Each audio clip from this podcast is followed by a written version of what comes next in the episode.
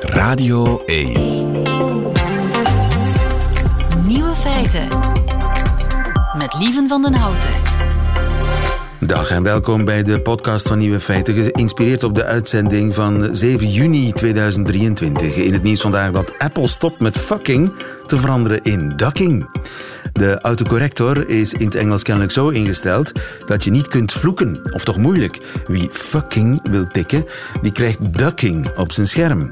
Tot ducking frustratie van veel gebruikers die zich gecensureerd voelen door hun eigen telefoon.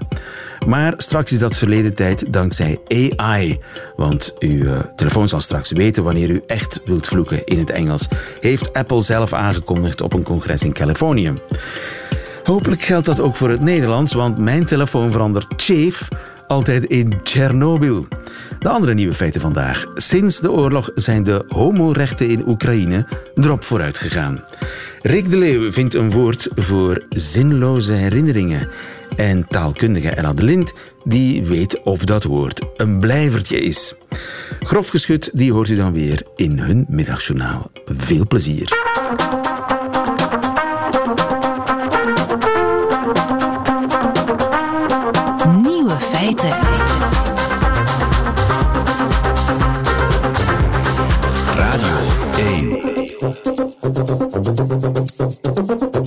De homorechten in Oekraïne gaan er fors op vooruit. En dat is met dank aan de oorlog. Remy Bonny, goedemiddag. Goedemiddag. Remy, jij bent directeur van Forbidden Colors. Dat is een Europese organisatie die zich inzet voor LGBT-organisaties in heel Europa. Ja, dat klopt helemaal. Uh, er is in Oekraïne een wet in behandeling die wellicht na de zomer een soort van homohuwelijk gaat goedkeuren. Wel, het is inderdaad zo dat uh, er een voorstel voor ligt voor het wettelijk samenwonen in te voegen in, uh, in Hongarije. Uh, in. In, in Oekraïne. Een soort, een soort samenlevingscontract. Een soort huwelijk zonder dat het huwelijk Inderdaad, heet. zoals dat wij ook in 1995 al ingevoerd hadden, hadden we het ook het wettelijk samenwonen ingevoerd. Dus ook een soort van samenlevingscontract voor, voor partners van hetzelfde geslacht. En dat is een ferme bocht, hè? Dat is een ferme bocht, want dat is inderdaad ja, tot een anderhalf jaar geleden voor de oorlog was er hier helemaal geen sprake van. Was, was Oekraïne helemaal... echt een homo-vijandig land? Een homo-vijandig land is een, groot, is een groot woord, maar het is inderdaad wel zo dat als we kijken naar opiniepeilingen, bijvoorbeeld de laatste serieuze opiniepeiling van 2016, was er maar 30 procent die zei dat LGBTIQ-personen um, gelijke rechten mogen hebben. Vandaag, een aantal maanden geleden, is er een gelijk, gelijkaardige peiling gebeurd. Had het nu al over 58 procent. Van 30 naar 8 is bijna een verdubbeling van mensen die homorechten steunen. Ja, inderdaad. En daarbij zien we dan bijvoorbeeld, als we nog andere vragen stellen, dat bijvoorbeeld 80 procent van de Oekraïners uh, voor uh, LGBTIQ-personen in het leger is. Ja, terwijl dat, dat vroeger helemaal iets anders was. Ja, dat is helemaal iets anders. Dat kunnen we volledig wijden aan de oorlog. Uh, Rusland wordt gezien als een homofoob en transfoob land. Uh, en homofobie en transfobie in Rusland zijn bijna één synoniem. En dat heeft ervoor gezorgd dat iedereen die niks meer te maken wil hebben met Rusland, daarvoor ook LGBTIQ plus vriendelijk is geworden in Oekraïne. Dus vanuit een soort anti-Rusland-reflex en dus een pro-Europa-reflex dat uh, homo's en lesbiennes en, en transen en whatever er ook onder die LGBTQ... Jij bent erop geoefend, hè? LGBTQI+. Plus, ja. Uh, vlag uh, zich daaronder schaart. Dat komt in een mooier uh, daglicht in Oekraïne. Ja, en dat is enkel en alleen maar door, door de oorlog, in Rusland. Um, we hebben gezien dat eigenlijk sinds het begin van de oorlog Rusland, zelfs nog meer dan er, als er voor homofobe en transfobe retoriek begon te spuien, de, de, de patriarch van Moskou, de, de, zowat de paus van, het Russisch-orthodoxe, van de Russisch-orthodoxe kerk, in zijn eten speech, dat de oorlog uitgebroken was, zei dat de Russen naar Oekraïne moesten gaan om de Oekraïners te bevrijden van de gay pride. En dat is ja, heel die retoriek van de, dat is de argumentatie, dat is duidelijk aangekomen in Kiev. Uh, en ja, eigenlijk is er een tegenovergestelde beweging gebeurd. Nu wordt er nog, nog grotere uh, parades wellicht georganiseerd vanaf de oorlog gedaan is. Uh. En ook bij de ethisch conservatieven in Oekraïne? Ja, zelfs daar zien we eigenlijk bij mensen die zich tot voor kort christelijk of katholiek uh, uitspraken. Uh, er is één de parlementslid waar die, die de voorzitter van het comité is, waar op dit moment dit voorstel besproken wordt in het Oekraïnse parlement. Is eigenlijk een ultraconservatief parlementslid, heeft hiervoor, voor de oorlog, altijd tegen LGBTQ rechten gestemd. En nu is hij volledig gedraaid. En het opnieuw de enige argumentatie dat hij, dat hij heeft van ja, alles wat in Rusland afgekeurd wordt, moeten wij hier in Oekraïne aan goedkeuren. Maar is dat dan wel gemeend, vraag ik mij af. Wel, het is, uh, het is een beetje een wrang gevoel inderdaad, ook bij mij. Uh, ik denk dat er uh, betere manieren zijn om een bevolking mee te krijgen op vlak van LGBTIQ-rechten.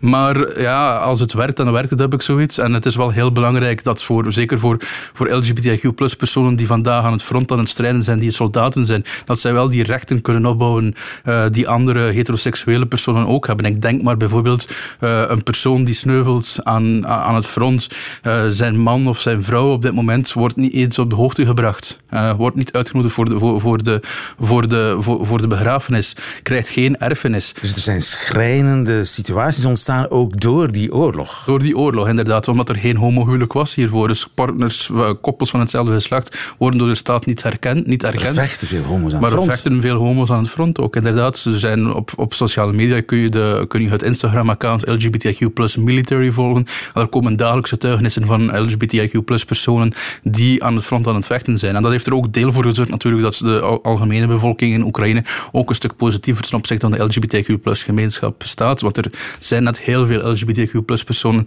die de wapens hebben opgenomen en de verdediging van Oekraïne bewerkstelligen op dit moment. Ja, want sommige onderdelen van dat uh, Oekraïnse leger staan niet bepaald bekend voor een progressieve gedachtegoed. Nee, helemaal niet. En er zijn bepaalde delen van het Oekraïnse leger waar het nog steeds moeilijk is. We weten ook van LGBTQ plus personen en het leger dat er nog heel veel zijn die niet uit de kast durven komen. Uh, maar aan de andere kant zie je wel dat er een zekere evolutie is, een algemene evolutie, die de goede richting uitgaat. Ja, maar een echt homohuwelijk, dat is dan weer een stap. Nee, maar dat kan ook op dit moment gewoon wettelijk niet. Want er is op dit moment ook een krijgswet afgekondigd in, in, in Oekraïne, waardoor dat, uh, dat de, de wetgeving ervoor ziet dat de, dat de grondwet niet aangepast kan worden. En die, grondwet, grondwet moet, moet aangepast worden om het huwelijk open te trekken. Dus, dus, dus zolang dat de krijgswet afgekondigd is, kan die wet eigenlijk niet aangepast worden. Dus daarom heeft de regering van Zelensky eigenlijk met het idee opgekomen voor een wettelijk samenlevingscontract ja. Eh, te komen. Hebben jullie veel contacten met de mensen ter plaatse?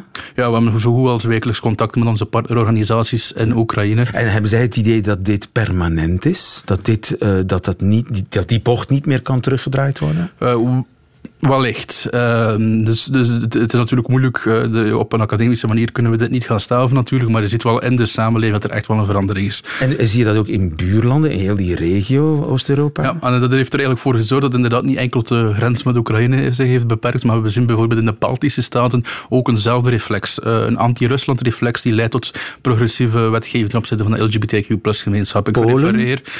Polen is een moeilijk gebied. Polen is een moeilijk gebied, maar we zien wel bijvoorbeeld Estland die toch een directe buur is van Rusland, een ex-Sovjetstaat is ook, uh, die nu heeft aangekondigd dat het tegen eind dit jaar het homohuwelijk ingevoerd zal worden. Um, en, uh, eigenlijk ook om een neus te, te ja, zetten. eigenlijk ook om een middenvinger op te steken ja. naar, naar, naar Poetin. En, Polen uh, is inderdaad nog altijd... We hebben een aantal jaar geleden LGBT-vrije zones in Polen gekend. We hebben heel wat anti-LGBTIQ-retoriek van de regering gezien. Maar we zien eigenlijk sinds dat de oorlog gestart is... dat het is nog steeds dezelfde regering. Het is nog steeds een ultraconservatieve regering. Maar de regering durft niet meer zoveel openlijk anti-LGBTI-retoriek te gaan, te, gaan, te gaan spuwen. Net omwille van het feit dat ook in Polen ja, de, de, de algemene burger wel ziet van... Ja, alles die anti-LGBTIQ is, is eigenlijk sowieso gelinkt aan Rusland. We weten ook dat anti-LGBTIQ plus verenigingen in Polen jarenlang gefinancierd geweest zijn vanuit Rusland, net omwille van die retoriek te gaan verspreiden in die, omwille van die retoriek te gaan verspreiden in die regio. Ja, het is een beetje wrang, het is een beetje cynisch, maar het is zo. Ja. We en, moeten Poetin danken.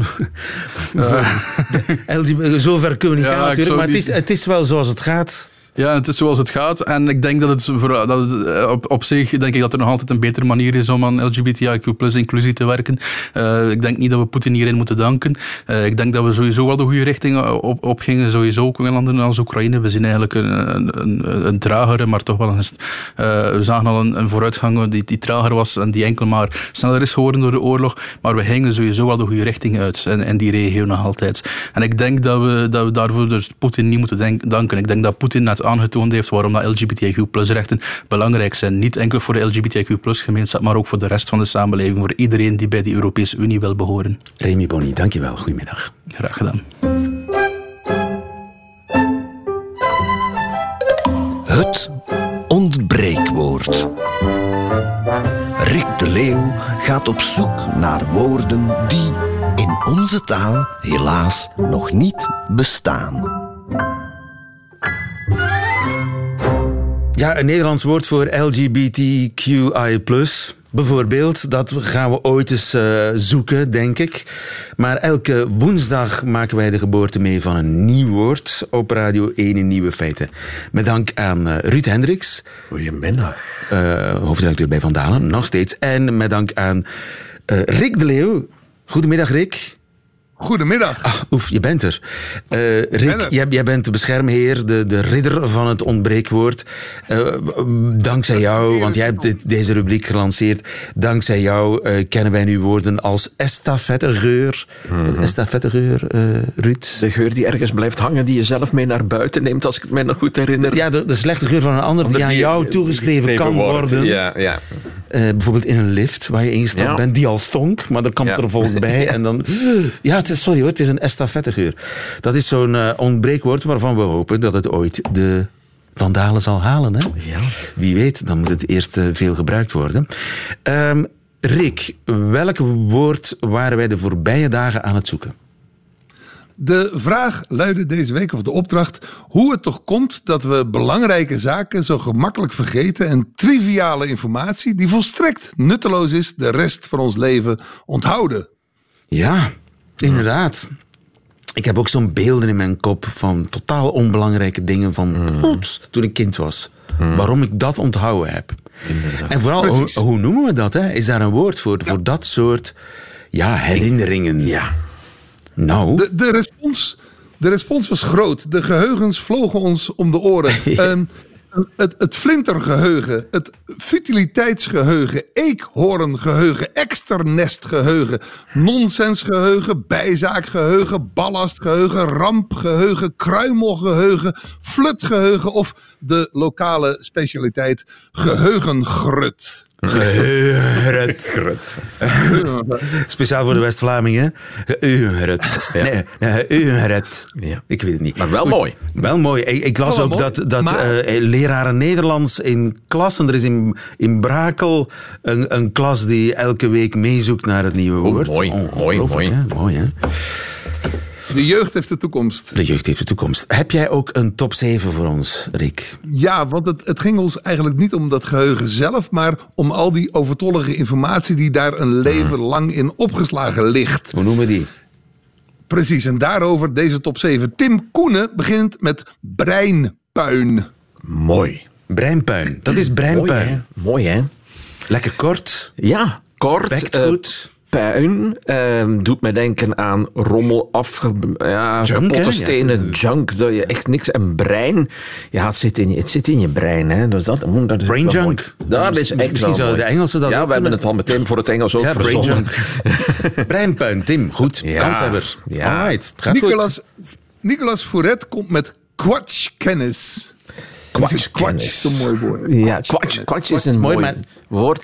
Maar ja, het is zoiets, het, is, het klinkt nogal denigrerend. Zo. Kwatsch is van, ja, dat is, dat is echt domme praat, onzin. En dat is het niet altijd. Hè? Het, het zijn ook gewoon dingen die je denkt van, pff, waarom blijft dat nu in mijn hoofd zitten? Het, is, het hoeft niet altijd onzin te zijn. Hè? Ja, Dat is waar. ja. inderdaad. Dat is waar, ja. Zo'n Ja. vrouw die ooit zei, het is een vrije wereld.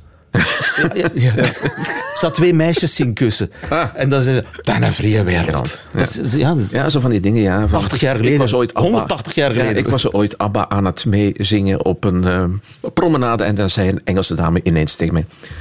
We are showing our age, sir. dat zijn ook zo van die dingen die je nooit vergeet. ja, ja, dat is Maar goed. misschien wel kwatschkennis of Ja. eh, breinpuin, wie weet. Ja. Maar eh, er, is, er, er Nou, zijn er nog 50 aan. Ja. Het subtiele verschil tussen kwatsch en puin is hier aanschouwelijk gemaakt. Dat vind ik fijn om te zien. Chris Pauwels met delete menietjes. Ah, natuurlijk inspirerend op vergeet me nietjes. Delete me nietjes. Maar vergeet me nietjes, dat is een soort opdracht van... Wil je me alstublieft niet vergeten? delete me nietjes, zou dan zeggen, wil je me alsjeblieft niet deleten. Maar Ja. is, is het dat?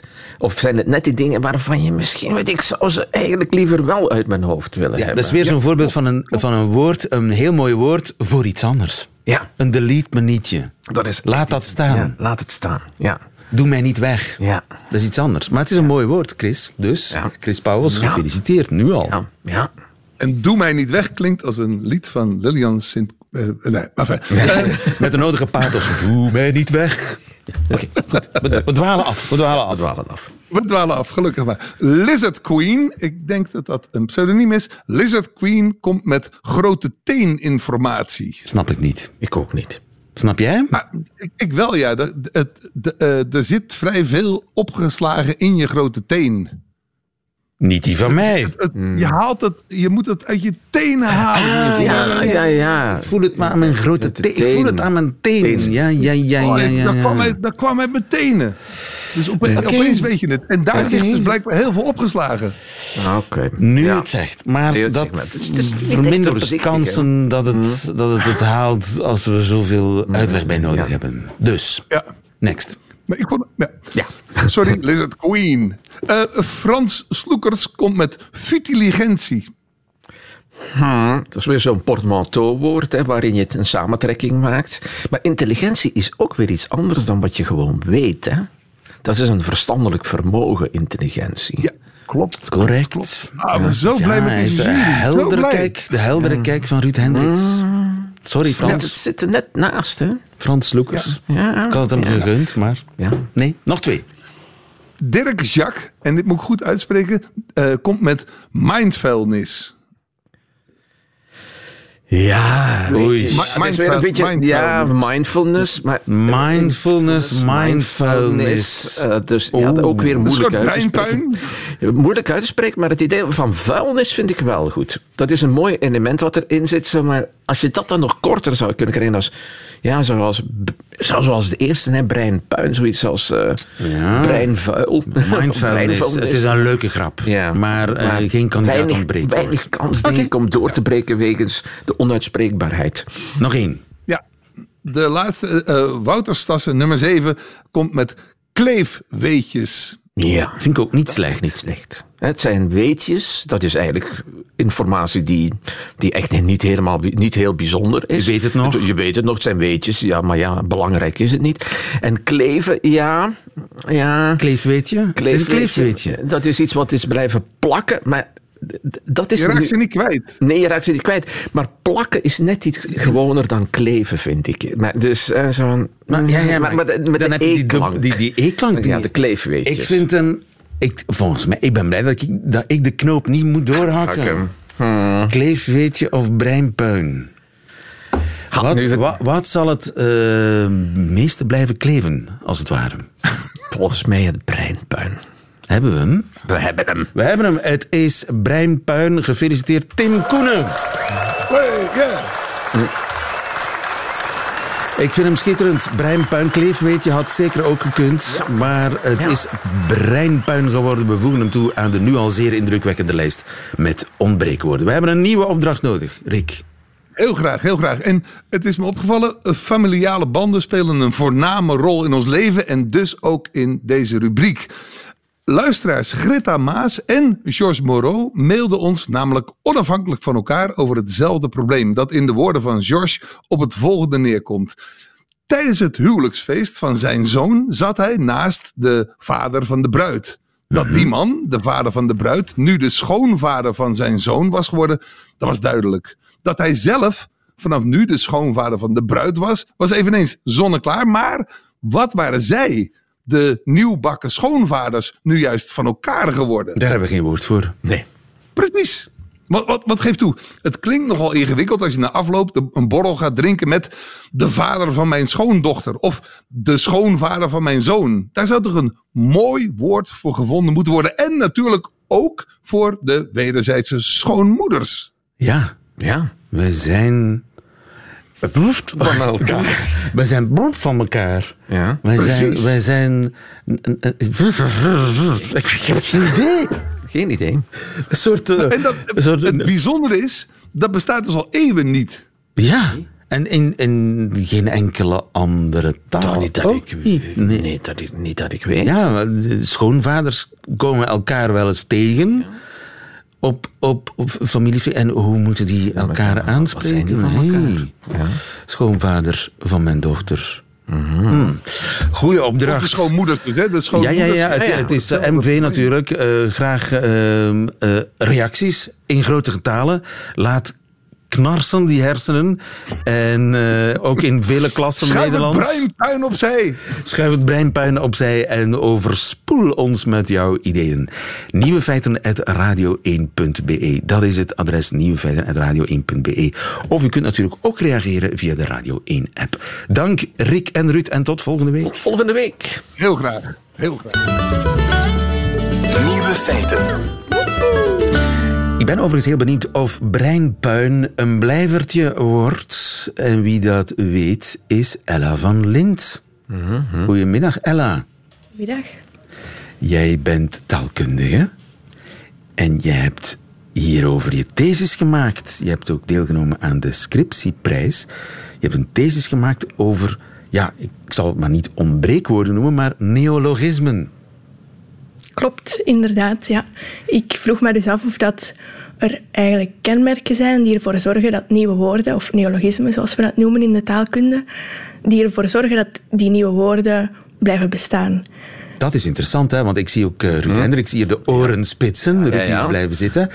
Eh, want ja, veel van die neologismen, van die nieuwe woorden, die gaan roemloos ten onder. Hè? Samsung-seks bijvoorbeeld. Ooit nog woord van het jaar. Weet jij nog wat het is? Eh, ja, ik weet nog wat het is. Ik niet. Echt Nee. niet? Echt geen flauw idee. Wat is nee, Samsung-seks? Nee, dat is dat als eh, jonge koppels eh, seks gaan hebben en intussen de kinderen voor tv zetten, voor Samson en Gert. All right. Ja. Samsung-seks. Ik wist het niet meer. Maar dat woord is eigenlijk verdwenen uit het eh, vocabularium van de, de, de, de man in de straat, hè? of de vrouw in de straat. Ella. Ja, inderdaad. Het is niet echt zo'n succesvol woord meer geweest, vrees ik daarna. Ehm, maar ja, er zijn natuurlijk wel andere woorden die wel heel veel succes hebben gehad. Zoals het woord van het jaar 2013, als ik me niet vergis, selfie. Selfie. Ja, ja dat gebruiken wij nog We kunnen heel ons veel, niet meer voorstellen dat het woord ooit niet heeft bestaan. Nee. En de vraag is natuurlijk, eh, hoe zit het met de ontbreekwoorden op onze lijst? Sopperen bijvoorbeeld, voor het met een stukje broodsaus van je Ja. sausrestjes van je bord eten. Kraaiennesten vind ik een van de allerbeste die we al gehad Ja. hebben. Het rondspieden naar betere gesprekpartners Mhm. op een receptie. Eh, ja, memoirama. Dat Mem- zal dat, moeilijker zal moeilijker zijn. Heb jij een idee of, of, eh, of onze ontbreekwoorden het zullen halen? Ella? Wel, eh, ik was, moet ik zeggen, wel fan van breinpuin daarjuist. Aha. Dat het een kort woord is. Ehm, Dus kort is goed. Kort is heel goed, inderdaad. Ehm, als we kijken naar eh, hoe lang woorden nog blijven leven, dan is er een heel groot verschil tussen korte woorden en lange woorden. Ehm, ja, een kort woord is natuurlijk veel gemakkelijker om te onthouden. Niet voor niks leren kinderen in het eerste jaar maanroosvis Ehm, en niet het woord lage kosten luchtvaartmaatschappij. Dat was een van de La- langste woorden. Laagkosten luchtvaartmaatschappij. Ja. Natuurlijk, ja, het ene woord is nuttiger dan het andere. Hè. Selfie is heel... We, we maken ze, dus we hebben er een woord echt voor nodig. Dat bepaalt natuurlijk ook het succes van een woord, neem ik aan. Inderdaad, ja. Als, als het woord een concept aanduidt dat ehm, ja, echt, waar echt een woord voor nodig is, of iets waar we heel vaak gebruik van maken, dan heeft dat een hoge kans om te overleven. Eh, woorden die te maken hebben met technologie of automatisering, communicatie, Ja. zoals dus selfie of wifi Ja. of podcast, En- ja, die blijven bestaan. Zijn er zo woorden die dan plots heel even modieus zijn en die overal opduiken en, en dan weer verdwijnen? Ja, zeker. Ehm, ik denk aan het woord van vorig jaar. Dat was klimaatklever, als ik me niet vergis. Ja, dat is natuurlijk een, een, ehm, een soort modegril, zal ik het zo zeggen, waarbij klimaatactivisten opeens zich gingen vastkleven aan ehm, kunstobjecten. Maar daar is de originaliteit nu wel al van verdwenen, vermoed ik. Dus dat woord Er- zal ook niet heel lang meer Ja, het fenomeen is min of meer verdwenen, dus het Ja. woord verdwijnt daar Ja. mee mee. is ook gebeurd met knuffelcontact. Hè?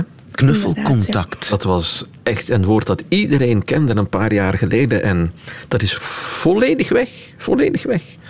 Wauw. En ho- hoe zit het met onze ontbreekwoorden? Heb je de kans gehad om al eens naar onze lijst te kijken? Eh, ja, Ehm, ik zag dat er heel veel samenstellingen tussen zaten. Dat is natuurlijk ook heel gemakkelijk om in het Nederlands samenstellingen te maken. Veel gemakkelijker dan in het Engels of in het Frans, waar je dan nog een koppelteken ertussen moet zetten of zo. Ja. Dus het Nederlands is wel een dankbare taal We kunnen om worstwoordjes nieuwe maken. woorden te maken, inderdaad. Ehm, maar samenstellingen doen het eigenlijk niet zo heel goed, ehm, volgens mijn studie toch. Ehm, dat komt misschien ook omdat ze vaak langer zijn. Eh, lange woorden zijn dan ook moeilijker om te onthouden. En ook omdat ehm, veel leenwoorden uit het Engels zijn geen samenstellingen. En leenwoorden uit het Engels doen het heel goed. Als je een woord uit een andere taal ontleent, dat is in het begin een beetje moeilijk.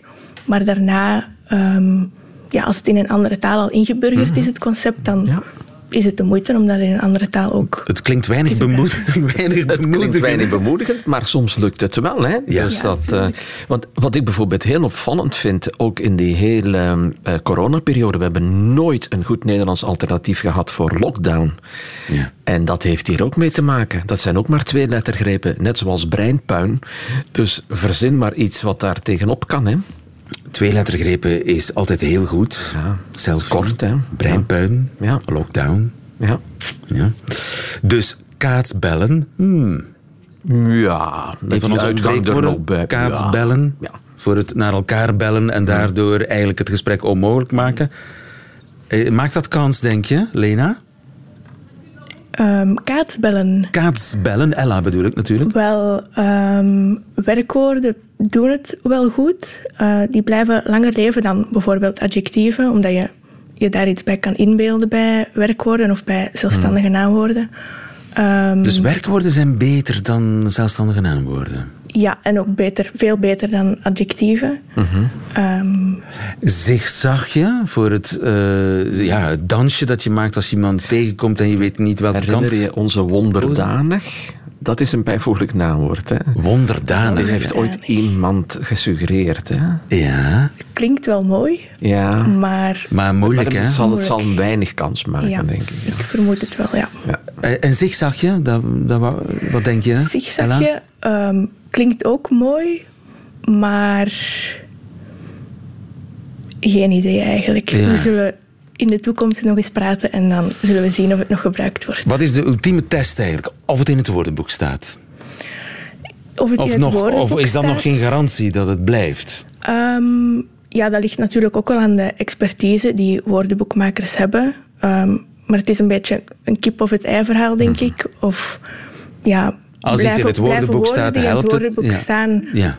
langer bestaan omdat ze in het woordenboek staan, of staan ze in het woordenboek omdat ze goed zijn volgens de woordenboekmakers. Jullie hebben een, een criteria natuurlijk. Hè? Hmm. Ja, de criteria zijn, het moet echt gebruikt worden hè, voor het wordt opgenomen. Maar daar zit inderdaad, eh Ella turbo-effect heeft gelijk, ook hè, er, zit een kippen- of het ei-verhaal in. Want wanneer neemt een woordenboek een nieuw woord op? Als het echt veel gebruikt wordt. Maar er zijn sommige mensen die dan zeggen van je mag het niet gebruiken, want het is niet goed, want het staat niet in het woordenboek. Ja. Dus, Dus het- voor het sommige mensen, het zichzelf. versterkt het wel. Dus sommige mensen zeggen van het staat in het woordenboek en dus mag het.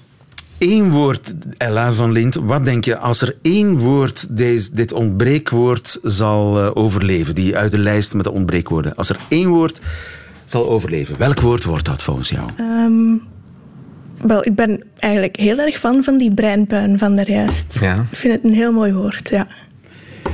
Ik ben benieuwd. Ik denk ontbreekwoord zelf. Het woord Ook, ontbreekwoord. het woord Ja, ja, ja. ja. Toch een paar die kans maken. ja, ja. Ellen van Lint, dankjewel voor deze toelichting en veel succes met je carrière als taalkundige. En nogmaals, heel gefeliciteerd met je thesis. Dank u wel. Dank u wel. Nieuwe feiten.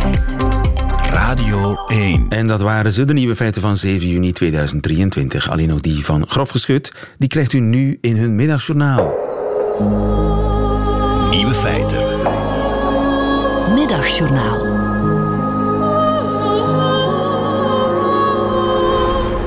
Beste luisteraar. Bij mij in de straat woont een hond met drie poten. Een Mechelse herder, die altijd in een blauw karretje wordt voortgeduwd door een oudere man. Laten we hem Dirk noemen. De hond of de man? De man. En altijd, Hoe als, noemen we de hond? m- mag je zelf bedenken. Samuel. Prima. En als Dirk aangekomen is bij het voetbalveldje, waar nooit iemand voetbalt, laat hij zijn Duitse herder Samuel.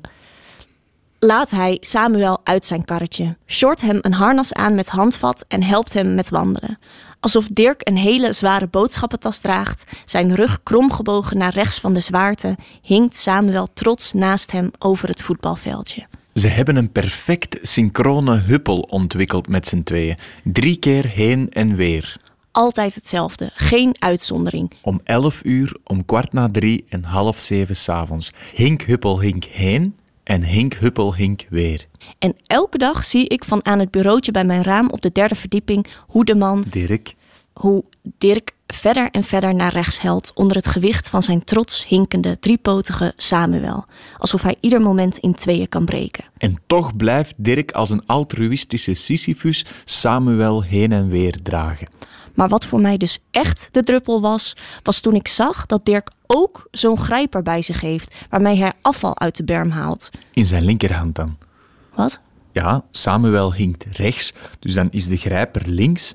En, en waar hangt dan de vuilniszak? Nou, dat doet hij dus onderweg naar het veldje. En dan hangt de zak aan het karretje van de hond. Samuel. Ja, Samuel. Maar ik kan dus gewoon niet geloven dat iemand zo goed is. Da- daar moet toch iets tegenover staan. Is Dirk eigenlijk een seriemoordenaar? Een vroegere neonazi? Heeft hij eigenhandig de poot van Samuel afgerukt? Wat heeft Dirk goed te maken? Misschien is hij een moordenaar hè, en is dit zijn taakstraf? Een, een kreupele hond verzorgen en papiertjes rapen? Ik verschiet van niks niet meer. Kijk, wat de reden ook is van zijn nu schijnbaar moreel superieur, stipt en standvastig altruïsme, Dirk ziet eruit als een typische Radio 1-luisteraar. Dus Dirk, als je luistert, wil ik je vragen: hoe? Hoe? Hoe? Hoe? Hoe kan je met jezelf leven? Pardon? Alsof je niet in de gaten hebt dat de hele straat je kan zien lopen met je afvalgrijper en je morele superioriteit. Ja, ik weet nu niet of hij dat... Ons een beetje een schuldgevoel aan hond heffen. Allee, die hond heeft op zich wel gewoon... Beste Dirk, ik zou je vriendelijk willen verzoeken om, als het je echt om naaste liefde te doen is, straks om kwart over drie mijn afval dat ik daarnet op het voetbalveldje heb uitgestrooid, te laten liggen. Dat je even aan de hele buurt hier kan tonen dat jij ook niet perfect bent. Dan voelt Mirte zich een beetje minder slecht over haar eigen beperkte bijdrage aan de samenleving. Alvast bedankt. Tot, morgen.